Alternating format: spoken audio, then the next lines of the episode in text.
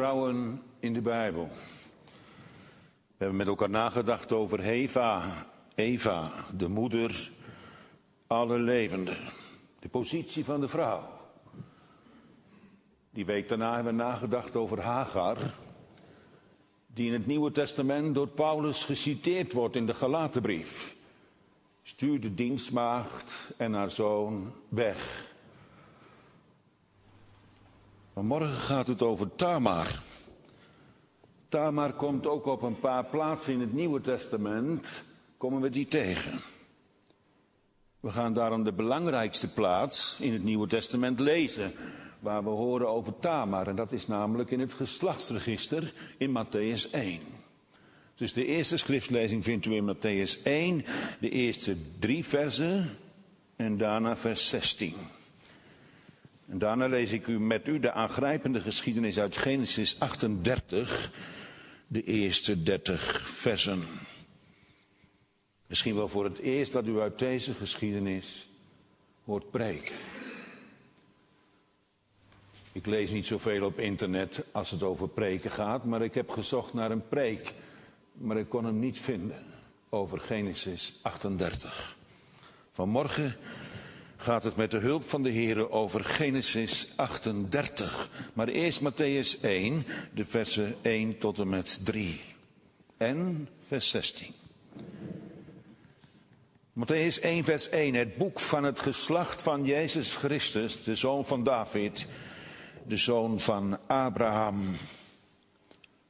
Abraham gewoon Isaac en Isaac gewoon Jacob en Jacob gewoon Juda en zijn broeders.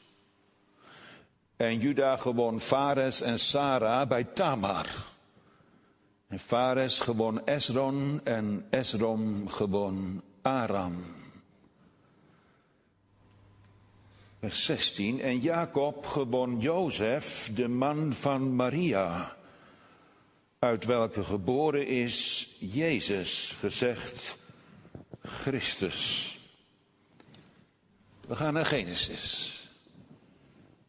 Beetje een lang hoofdstuk. Maar dat kan niet verdeeld worden in tweeën of zo. Dus we lezen met elkaar het hele hoofdstuk. En bedenk dat het de woorden van de Here zijn, die belangrijker zijn zelfs als de woorden die ik uitspreek. Genesis 38. En het geschiedde diezelfde tijd dat is de tijd dat Jozef naar Egypte werd verkocht. Dat Juda, toen hij 21 jaar was, van zijn broederen aftoog. En hij keerde in tot een man van Adullam, wiens naam was Hiram. En Juda zag al daar de dochter van een Canaanitisch man, wiens naam was Sua. En hij nam haar en ging tot haar in. Had gemeenschap met haar. En ze werd bevrucht en ze baarde een zoon. En hij noemde zijn naam Er. Daarna werd ze weder bevrucht en baarde een zoon en ze noemde zijn naam Onan. En zij voer nog voort en baarde een zoon en noemde zijn naam Sela. Doch hij was de Gezip toen zij hem baarde.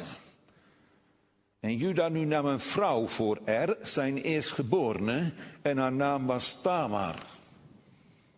Maar Er, de eerstgeborene van Juda, was kwaad in de ogen van de Heere en daarom doodde hem de Heere. Toen zeide Juda tot Onan, ga in tot uw broeders huisvrouw en trouw haar in uw broeders naam en verwek uw broeder zaad. Doch Onan, wetende dat dit zaad voor hem niet zou zijn, zo geschiedde het als hij tot zijn broeders huisvrouw inging, dat hij het verdierf tegen de aarde om zijn broeder geen zaad te geven. En het was kwaad in de ogen van de Heere wat hij deed en daarom doodde hij hem ook. Toen zeide Juda tot Tamar, zijn schoondochter, blijf weduwe in uw vaders huis totdat mijn zoon Sela groot wordt. Want hij zeide dat niet misschien deze ook sterven gelijk zijn broeders. Zo ging Tamar heen en bleef in haar vaders huis. En als nu vele dagen verlopen waren, stierf de dochter van Sua huisvrouw van Juda. Daarna troostte zich Juda en ging op tot zijn schaapscheerders naar Timna toe en hij en Hira zijn vriend, de Adlomiet. En men gaf Tamar te kennen zeggen, dus uw schoonvader gaat op naar Timna om zijn schapen te scheren. Toen legde zij de klederen van haar weduwschap van zich af. En zij bedekte zich met een sluier en bewond zich en zette zich aan de ingang van de twee fonteinen die op de weg naar Timna is. Want zij zag dat Sela groot geworden was en zij hem niet ter vrouw was gegeven. En als Juda haar zag, zo hield hij haar voor een hoer, overmits zij haar aangezicht bedekt had. En hij week tot haar naar de weg en zeide, kom toch, laat mij tot u ingaan, want hij wist niet dat ze zijn schoondochter was. En zeide, wat zult gij mij geven dat gij tot mij ingaat? En hij zeide, ik zal u een geitenbokje van de kudde zenden. En ze zeiden, zo gij pand zult geven, totdat gij het zendt. Toen zeide hij, wat pand is het dat ik u geven zal? En ze zeiden, uw zegelring en uw snoer en uw staf die in uw hand is, het welke hij haar gaf. En hij ging tot haar in en zij ontving bij hem. En ze maakte zich op en ging heen en legde haar sluier van zich af en trok aan de klederen van haar weduwschap. En Judas zond de geitenbok door de hand van zijn vriend de Adolomiet om het pand uit de hand van de vrouw te nemen, maar hij vond haar niet. En hij vraagt aan de lieden van die plaats, zeggende, waar is die hoer die bij deze twee fonteinen aan de weg was? En ze zeiden, hier is geen hoer geweest. En hij keerde weder tot Juda en zeide, ik heb haar niet gevonden. Ook zeiden de lieden van die plaats, hier is geen hoer geweest. Toen zeide Juda, zij nemen het voor zich, omdat wij misschien niet tot verachting worden. Zie, ik heb deze bok gezonden, maar gij hebt haar niet gevonden. En het geschiedde omtrent drie maanden dat men Juda te kennen gaf, zeggende, Tamar, uw schoondochter, heeft gehoereerd. En ook zie, ze is zwanger van hoererij. Toen zeide Juda, breng haar hiervoor, dat zij verbrand worden. En als zij voortgebracht werd, schikte zij tot haar schoonvader om te zeggen, bij de man wie deze dingen zijn, ben ik zwanger. En ze zeiden, bekend toch wie deze zegelring en deze snoeren en deze staf is. En Juda kende ze en zeide, zij is rechtvaardiger dan ik.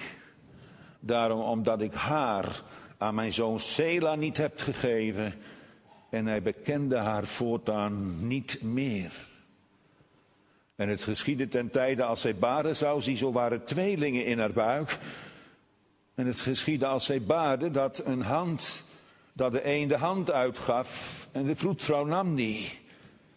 En ze bond een scharlaken draad om zijn hand, zeggende, deze komt het eerst uit. Maar het geschiedde als hij zijn hand weder intoog, zie, zo kwam zijn broeder uit. En ze zeiden, hoe zijt gij doorgebroken?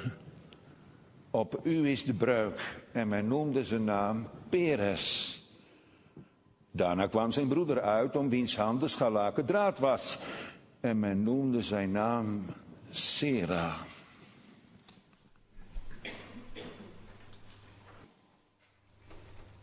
Jongens en meisjes. Misschien vinden jullie dit een moeilijk woord, hè? Een stamboom. Weten jullie wat een stamboom is? Je weet wel wat een boom is, hè? Maar een boom die getekend wordt waar je afkomst, waar je afkomst ligt. Wie je opa en je oma was. En je overgrootmoeder. Ik had eigenlijk nog nooit zo'n stamboom gezien totdat ik hier in Valburg kwam. En toen had iemand een stamboom gemaakt van mijn familie. En dat was niet zomaar op een A4'tje, maar op een heel groot formaat was er een stamboom getekend en kwamen mijn kinderen in voor, maar mijn opa en mijn oma, enzovoort, enzovoort. Jullie hebben een papa en een mama. Als, je, als papa en mama elkaar niet hadden ontmoet, dan waren jullie er ook niet geweest. En opa en oma die zijn getrouwd met elkaar en die hebben papa en mama op de wereld gebracht. En zo zou ik heel lang kunnen vertellen over wat een stamboom is. Dat is eigenlijk waar kom je vandaan? Wat is je afkomst? Waar liggen je wortels? Wie is jouw voorgeslacht? Is dat dan zo belangrijk? Nou, in de Bijbel wel. In de Bijbel is heel belangrijk waar je vandaan komt. Ook als je vandaag aan de dag emigreert naar Israël, dan kun je zomaar niet emigreren. Je moet eerst bewijzen dat je uit het geslacht komt van Israël, anders word je niet opgenomen. In de Bijbel wordt ook over die stamboom gesproken, of een ander woord, een geslachtsregister. En Matthäus, Matthäus die kennen jullie wel, hè? dat was die soort NSB'er. Een man, met, een man met, een dubbele, met een dubbel leven eigenlijk. Hij was Jood, maar hij, hij handelde in naam van de Romeinen. Die in het tolhuis zat, weet je wel. En die man die kon heel goed alles bijhouden, daar had hij voor geleerd. En die man die is door de Heer Jezus geroepen uit dat tolhuis en is een discipel geworden van de Heer Jezus. Deze Matthäus of Levi, die heeft het evangelie geschreven. Waarschijnlijk in het jaar 60 nadat Christus gestorven, geboren was, heeft hij dit evangelie opgetekend. Matthäus wordt ook wel genoemd de evangelist van de Joden. Als je Lucas leest, dan heeft het Lucas-evangelie andere accenten. Maar Matthäus die begint met het geslacht van Jezus Christus, de zoon van Abraham. Niet de zoon van Adam. Dat doet Lucas. Lucas die trekt het breder. Hij zegt er zo, maar, maar Matthäus is gefixeerd op, op het Jodendom. En hij zegt, Jezus Christus is de zoon van Abraham. Die komt uit het geslacht van Abraham. En dan gaat hij ons dat uitleggen, jongens en meisjes. Drie keer veertien geslachten noemt Matthäus voordat hij is bij de geboorte van de Heer Jezus. Het zijn veertien geslachten tot, van Abraham tot David en veertien geslachten van David tot de Babylonische wegvoering en van de Babylonische wegvoering tot de geboorte van Christus ook veertien. Drie keer veertien generaties. Waarom doet Matthäus dat eigenlijk? Waarom is dat eigenlijk zo belangrijk? Nou, dat de Heer Jezus, die zou geboren straks worden uit het geslacht van Abraham, van Isaac. Dat weten jullie wel, hè, kattekesanten? Want toen Isaac geboren werd, toen heeft God beloofd dat uit Isaac, daar zou de Messias geboren worden. En Matthäus heeft dat onderzocht en heeft dat opgeschreven. Want dat is best wel wonderlijk, wonderlijk hoe die geslachtslijn loopt. Die loopt wat anders als dat wij misschien denken. In dat geslachtsregister, ja, daar komt David voor. Dat is waar. En Abraham komt daarin voor. En Boas. Maar wat wel heel apart is bij dat geslachtsregister, er komen ook namen van vrouwen in voor. Dat gebeurde in het gewone Israël niet. Als er een geslachtsregister genoemd werd, dan werden altijd alleen de mannen genoemd. Matthäus die noemt heel nadrukkelijk ook namen van vrouwen. Vijf nogal. Vijf namen van vrouwen die hij op heeft geschreven. En die voor ons heel erg bekend zijn. Tenminste, sommige. Hij eindigt, hij eindigt bij de vrouw Maria, de moeder van Jezus. En hij begint met Tamar. Tamar, die wordt genoemd in Genesis 38. En die komt ook notabene in dat geslachtsregister van Matthäus voor. Schijnbaar belangrijk. Als wij het misschien hadden geschreven, dat geslachtsregister, hadden we het misschien anders gedaan. Maar de Heilige Geest heeft het zo opgeschreven dat wij straks naar huis zullen gaan en verwonderd zijn hoe, hoe God dingen leidt. Nou, daar gaat het vanmorgen eigenlijk over. Het gaat vanmorgen niet in de eerste plaats over Juda of over Tamar, maar het gaat over de leiding. Het gaat over de instandhouding van het nageslacht. Want het was natuurlijk niet vanzelfsprekend, drie keer veertien geslachten. Er is me notabene nogal wat gebeurd in die periode. Welke periode? Nou, die periode van 2000 jaar. Van Abraham, die leefde ongeveer in 2200 of zo, tot de geboorte van Christus. Dus in die paar duizend jaar is er natuurlijk heel veel gebeurd, dat begrijpt u wel. Ook heel veel spannende dingen. Bijvoorbeeld dat, dat een moeder, geen, een vrouw geen kinderen kon krijgen. Zodat er geen nageslacht was. Neem bijvoorbeeld Hiskia. Hiskia, die krijgt de boodschap dat hij sterven moet. Het is natuurlijk niet zo, maar als, al was Hiskia gestorven, dan had de geslachtslinie van David niet voortgezet kunnen worden. Dat die man zijn gezicht naar de wand keert en dat hij zegt, oh ik word onderdrukt, wees schijn mijn borg. Dat is niet alleen omdat hij sterven moet, maar hij moet sterven zonder een nageslacht. En al die moeders die geen kinderen konden krijgen, die onvruchtbaar waren, die zaten met die grote vraag, er is geen nageslacht. Nou daarom, daarom staat eh, Genesis 38 in de Bijbel. Dat God door een, door een onbegrijpelijke weg zorgt voor nageslacht. Want het is Gods plan het is Gods stamboom. Het is Gods geslachtsregister, want straks moet de zoon des mensen geboren worden uit een vrouw. Een vrouw van koninklijke afkomst. En Jozef trouwens ook. En die wordt dan genoemd dat de Christus geboren wordt. Nou, dat zomaar even tot inleiding.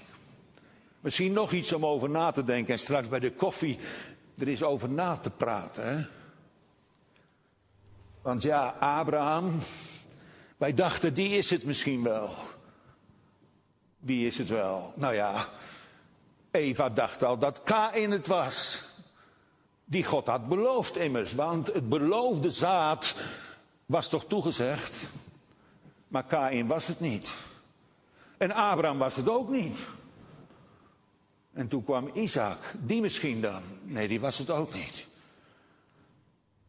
En toen kwam Jacob, die was het ook niet. Al die mannen die in de Bijbel genoemd worden, dat waren, daar had Israël hun hoop op gevestigd. Want ze dachten, dat is die. Dat is vandaag nog in Israël zo. En dan denken ze, dat is de Messias.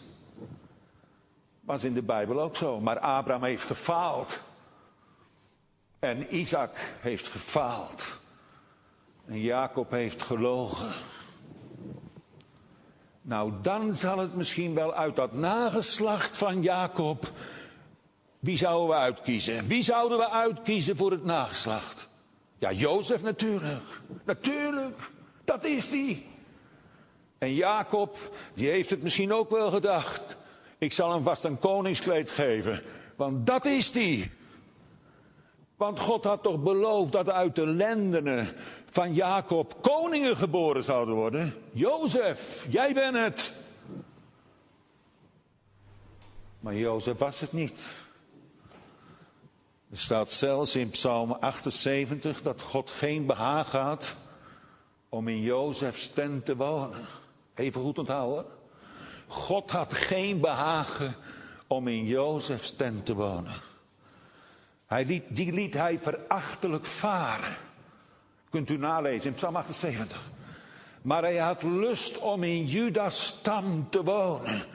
Die stam had God uitgekozen om daarin te wonen. Straks zal Jacob zeggen, Juda, gij zijt het, de volkeren zullen u loven. Juda was uitverkoren om de geslachtslijn voort te zetten tot de komst van de Messias. Nu gaan we naar Genesis 38. Misschien heb u daar nog nooit bij stilgestaan, maar Jozef was 17 jaar hè, toen hij weggevoerd werd. En in die periode gebeurt er heel veel in het gezin van Jacob. Juda is 21 jaar. En wat gebeurt er in die periode dat Jozef is weggevoerd naar Egypte? Dat vader Jacob in zak en as thuis zit. In die periode maakt Juda zich los van zijn familie. Waarom? Dat staat er niet bij. Maar hij daalt af, hij daalt af zes uur van de plek waar hij altijd gewoond heeft met zijn vader en met zijn broers. En het lijkt wel of dat Juda zijn afkomst en zijn achtergrond van zich af wil schudden. Hij verlaat in ieder geval zijn vaders huis. En hij verlaat ook de God van het verbond. Dat blijkt uit alles. Juda die wilde wij de wereld in, schijnbaar. Hij gaat naar de Canaanieten en daar vindt hij ook een vriend. Hina die hem een Adolamiet. En daar vestigt, daar vestigt Juda zich waarschijnlijk met een deel van de kudde, vestigt hij zich daar te midden van afgodendienaars. En het huis van zijn vader, de God van het verbond, verlaat Juda. En hij woont daar. En hij zoekt daar een vrouw. Want zo gaat dat, hè? Waar je je tussen begeeft, daaruit kies je een vrouw of een man. Maar Juda, je weet toch wel, Juda, dat dit niet in de lijn is van Gods verbond. Juda, je gaat een hele verkeerde weg, joh.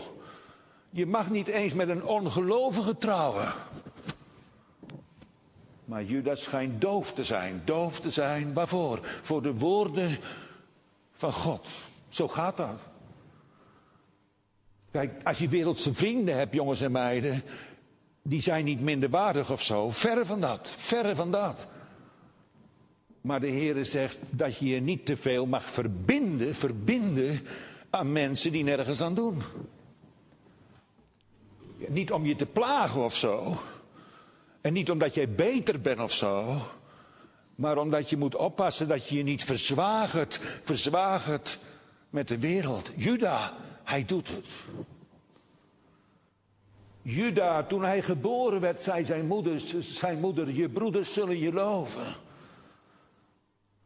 Misschien is Juda van verdriet, dat kan, weggevlucht. Want Juda die speelde een belangrijke rol bij de verkoop, hè, bij de verkoop van Jozef. Misschien heeft zijn geweten hem al aangeklaagd. En dan vlucht je weg, hè? misschien jij ook wel. Wegvluchten van je ouderlijk huis. Het willen vergeten. Niet telkens je verdrietige vader in het gezicht te kijken, terwijl je weet dat je gelogen hebt. Zo, weet je wel, op de vlucht gaan. En dan in aanraking komen met een heidense man en daar vriend mee worden. En een vrouw zoeken en met haar trouwen. En dan gebeurt het. Er komen drie zonen. Dan ben je gezegend, Juda, met een nageslacht. Er, Onan en Sela. En als deze jongens groot geworden zijn, natuurlijk dan zoekt Juda een heidense vrouw, natuurlijk, voor zijn jongens. Zo gaat dat, hè? Van geslacht tot geslacht. Tot in het derde en in het vierde lid. Zo, weet u wel? Dat hoort u elke zondag, toch? Als u uw kinderen voorleeft in de zonde, gaan uw kinderen ook in die zonde leven. En word je gestraft. Tot in het derde geslacht omdat je wat meekrijgt van je ouders, van kwaad tot erger. Goed, ik moet, ik moet door. Maar, maar, maar Tamar heet deze vrouw, die trouwt met Er, de oudste zoon van Juda. Wat er precies is, dat weten we niet. Maar God strafte de zonde in het leven van Er met de dood. Dat wil ik even aanstippen. Dat zou God vandaag aan de dag ook moeten doen. Want het is dezelfde God. In het Oude Testament werden de zonden vaak in de dadelijkheid gestraft. Dat God het bij u niet doet en bij mij niet doet, dat is een vrucht van het kruis. Onthoud hoor, het oordeel wordt nog uitgesteld tot de dag van uw dood. Maar had je in het Oude Testament geleefd, dan zie je heel vaak dat God met de daad de zonde straft. Dat gebeurt hier ook in het leven van Er. Er, leefde in een bepaalde zonde en riep de toren van de Heer op. En de Heer doodde hem, staat er. Dan zeg je, dat is ook niet barmhartig. God is toch genadig? En dan zomaar iemand te straffen in de dadelijkheid dat hij daarom sterven moet. Geliefde gemeente, deze God is nog steeds die rechtvaardige God. Alleen hij heeft het oordeel nog een keertje uitgesteld. U zit nu in de genadetijd. Daarom zit u hier nog in de bank, anders had u er al lang niet meer geweest en ik ook niet. Dat was een vrucht van het sterven van Christus, dat het uitgesteld wordt tot de dag van het oordeel. Maar dan komt het. Maar er die sterft als eerstgeborene. En zoals dat in die dagen was, ook gewoon in de wereld was dat toen zo, dan moest iemand uit de familie de plaats innemen van die gestorven vader of man. Dus wat zegt u dat tegen Onan? Onan, jij bent verplicht om het familieverband voor te zetten. En met andere woorden, als je kinderen krijgt, dan is de eerstgeborene zoon wordt gezet op rekening van R. Het aanterecht, noemt de Bijbel dat. Zo was dat in die tijd. Trouwens, in Deuteronomium 25 kunt u dit ook lezen. Dat de Heer zegt om het nageslacht in stand te houden. Als dan de broer sterft, dat dan een andere broer uit het gezin, als het ware, in die plaats komt van die gestorven broer. Bij Rut en Naomi komen we ditzelfde ook tegen. Maar wat gebeurt er? Onan die durft zich niet te onttrekken en trouwt wel met Tamar, maar wil geen nageslacht. Dat is de reden waarom dat hij zijn zaad op de aarde uitstort. Daar wordt heel veel verschillend, dat is moeilijk om dat in een preek te verwoorden, maar daar wordt soms heel verschillend wel ook over gedacht. Het gaat hier niet over dat Onan zich wilde bevredigen en daarom zijn zaad op de aarde stortte. Maar er zat iets achter. Hij wilde geen nageslacht verwekken. Want de gevolgen van dat nageslacht waren niet voor hem, maar voor zijn overleden broer. En dat wilde Onan niet. En toen ontstak de toorn van de Heer. Omdat hij geen nageslacht wilde verwekken. Toen was Tamar voor de tweede maal weduwvrouw. Toen bleef er nog één zoon over, één zoon, Sela. Het woordje betekent rust. Maar Sela was nog jong. En wat zegt Juda? Juda zegt tegen Tamar: Ga maar een poosje naar je ouderlijk huis terug. En wacht maar totdat Sela groot geworden zal zijn. Dan zal ik Sela aan jou geven. Waarom? Om dezelfde reden waarom dat Onan in de plaats van Er is gekomen om een nageslacht in stand te houden. Maar wat gebeurt er? Sela wordt groot. En Tama verblijft met een weduwkleed in haar vaderlijk huis. En wat gebeurt er? Judas zijn vrouw sterft. Hij is weduwnaar. Juda voelt zich ellendig. Juda zoekt troost. En wat doet Juda? Hij gaat naar een feest. Zo gaat het dan, hè? Zo gaat dat. naar een schaapscheerdersfeest. Misschien wel om zijn verdriet weg te drinken of weg te dansen. Juda, jij bent het toch? U zullen de volkeren loven. Juda? En wat doet Juda? Juda gaat naar dat feest samen met zijn vriend. En we lezen in de Bijbel dat Tamar te horen krijgt dat Juda op weg is naar het schaapscheerdersfeest. En wat doet deze vrouw? Iets onvoorstelbaars. Al die tijd was ze in de rouw. Dat was ze ook echt. Ze rouwde om het verlies van deze twee mannen. Maar ze rouwde ook omdat Sela niet aan haar gegeven werd. Niet zozeer dat ze als vrouw dan alleen zou zijn. Maar ik geloof vast dat Tamar iets beseft heeft. Het nageslacht kan niet in stand gehouden worden. Het bloed straks dood. En als het aan Juda had gelegen, dan had het dood gebloed. Juda was niet bekommerd om Gods verbond en Juda was niet bekommerd om het nageslacht. Juda die was vervuld met zichzelf. En wat doet deze vrouw? Ze doet iets onbegrijpelijks. En hier mag u absoluut, absoluut op geen enkele manier een vleeselijk verlangen bij bedenken. Dit deed Tamar niet uit lust. Juda wel. Juda zoekt zijn toevlucht straks bij een hoer die langs de kant van de weg zit. En hij herkent zijn schoondochter niet omdat ze gesluierd is. Maar Tamar vernedert zich hier zo diep. Want Tamar kan niet praten met Juda. Want Juda is met hele andere dingen bezet en vervuld. Als ik hieruit preek, dan denk ik altijd aan de geschiedenis van Jacob. Ik geloof ook dat Rebecca niet zo goed met Jacob kon praten. Isaac met Rebecca kon praten. Als man en vrouw. Want Isaac die was verliefd op zijn zoon Esau. En hij hield zo van lekker eten. En wilde geen kwaad woord horen van Esau. Daarom kon Rebecca met haar eigen man niet praten over de dingen van het koninkrijk. Dit kon Tamar ook niet met Juda. Juda was niet voor reden vatbaar. Juda had zich afgesloten van zijn verleden.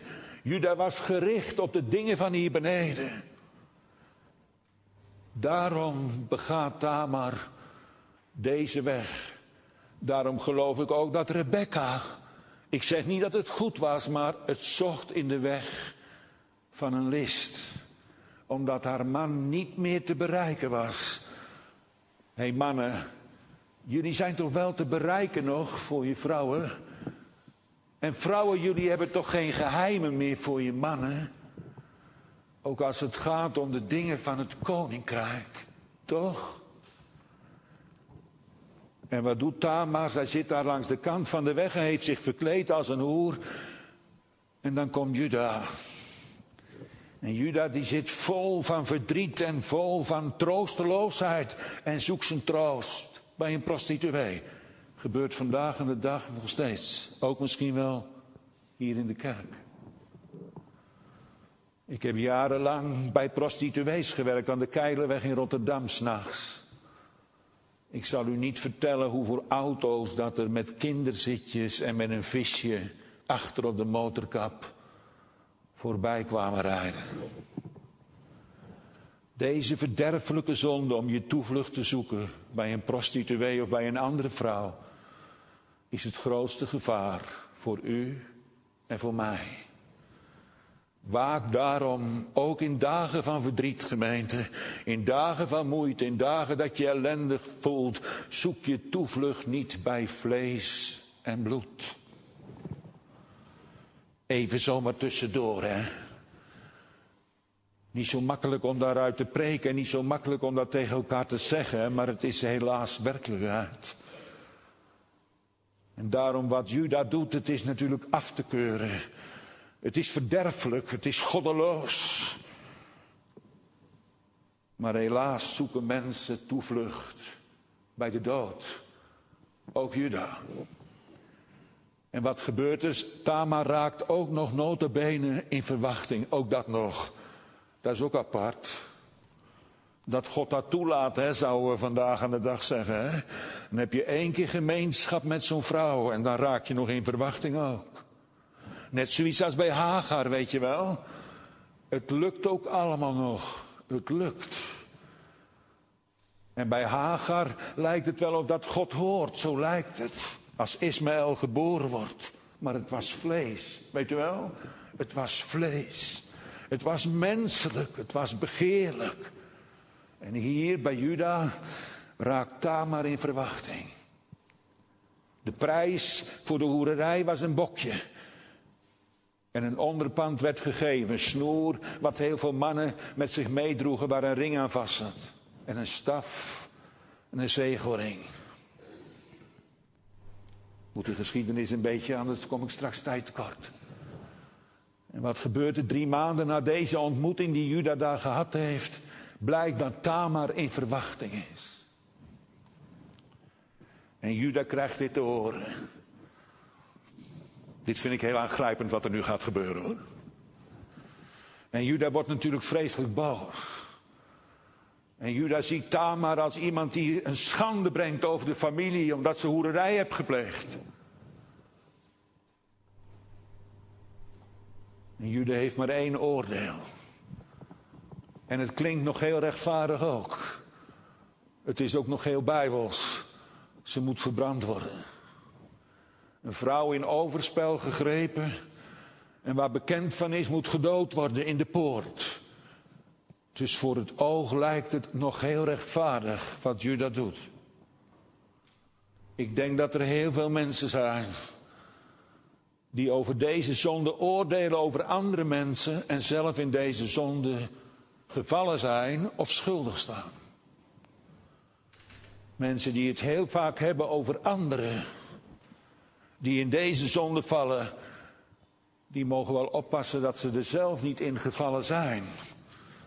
Of er zelfs in leven. Ook zomaar even tussendoor, hè. Omdat ik 63 jaar ben en ik heb heel veel gezien. Zoveel op het terrein van seksuele zonden. Het is een verderfelijke, giftige pijl uit de afgrond die ook Gods kinderen kan treffen. En Juda, hij lijkt heel rechtvaardig, maar hij is liefdeloos. Hij zit vol agressie. Hij verzet zich tegen de achtergrond van zijn vorige leven. Misschien wel tegen zijn opvoeding. En daarom is hij nu zo bitter. En veroordeelt Tamar om verbrand te worden. Sommige verklaarders die zeggen, ze wordt door de knechten van Juda getrokken door de, door de straten om in de poort verbrand te worden. En onderweg zegt Tamar, breng deze drie tekenen bij de man die mij veroordeeld heeft. En op dat moment wordt Juda geconfronteerd. Wat zal dat geweest zijn? Met de snoer en met de staf en met de ring. En er gebeurt een wonder. Soms denk ik wel eens, is dit ook nodig dan om een mens in de schuld te brengen? Moet je dan zelf eerst zo diep vallen, zo diep vallen voordat je buigt? Maar Juda buigt. En Juda zegt, zij is rechtvaardiger dan ik. Want ik heb mijn zoon Sela niet aan haar gegeven. Met andere woorden, zij was bekommerd om het nageslacht. Zij worstelde met de God van het verbond. Zij worstelde met de geslachtslinie. Zij worstelde met de stamboom. Waar de Messias straks uit geboren zou worden.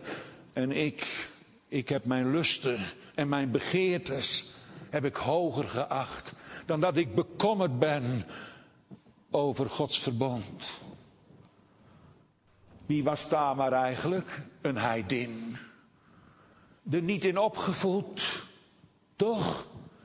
En wie was Juda? 21 jaar lang thuis opgevoed Als een kind van het verbond.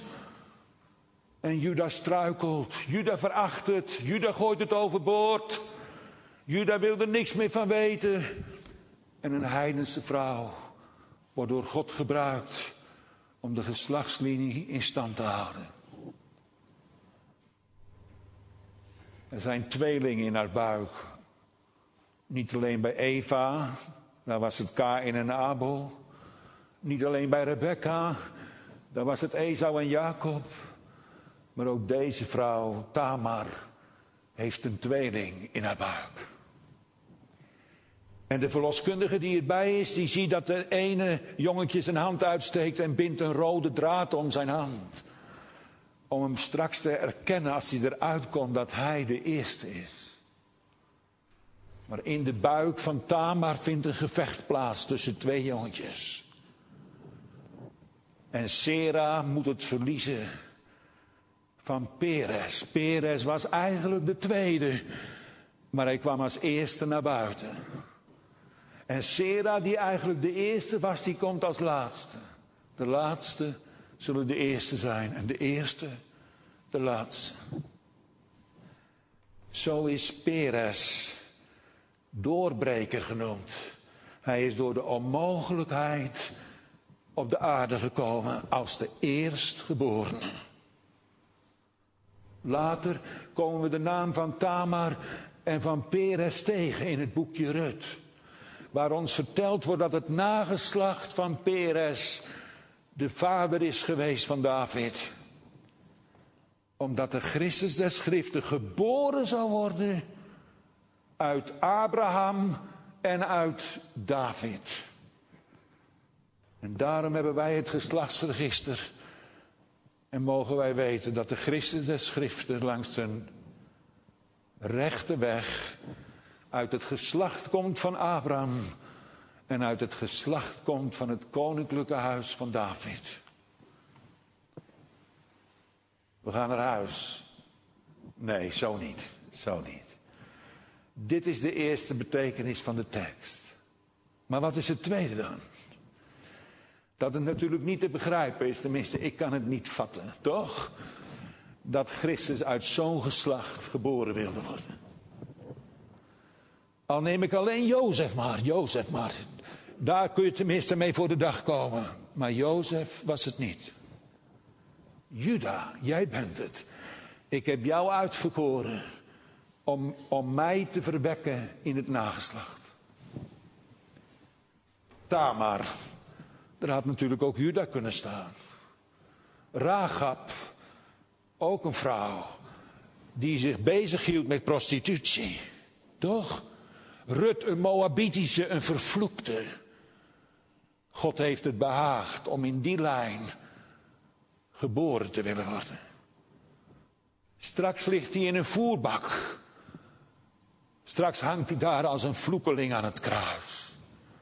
Zo groot was Gods liefde. Dat hij gekomen was voor zondaren en voor goddelozen. Voor prostituees, voor drugsverslaafden. En hij schaamde zich niet omdat zijn broeders en zijn zusters te noemen. Schaamt u zich niet dat hij ze uw broeders en zusters noemt? Als dit niet in de Bijbel had gestaan, dat dit niet de gouden draad of de rode draad was van Gods genade te midden van de uitbarsting van de zonde, waar zouden we dan gebleven zijn? U die wanhoopt, omdat u aan deze zonde schuldig staat en u staat eraan schuldig, ik weet het.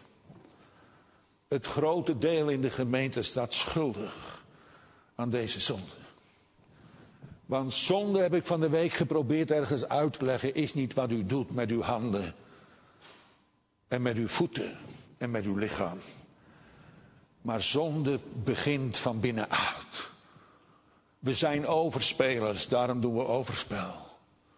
We zijn hoereerders en daarom hoereren we. Daarom zijn we porno verslaafd.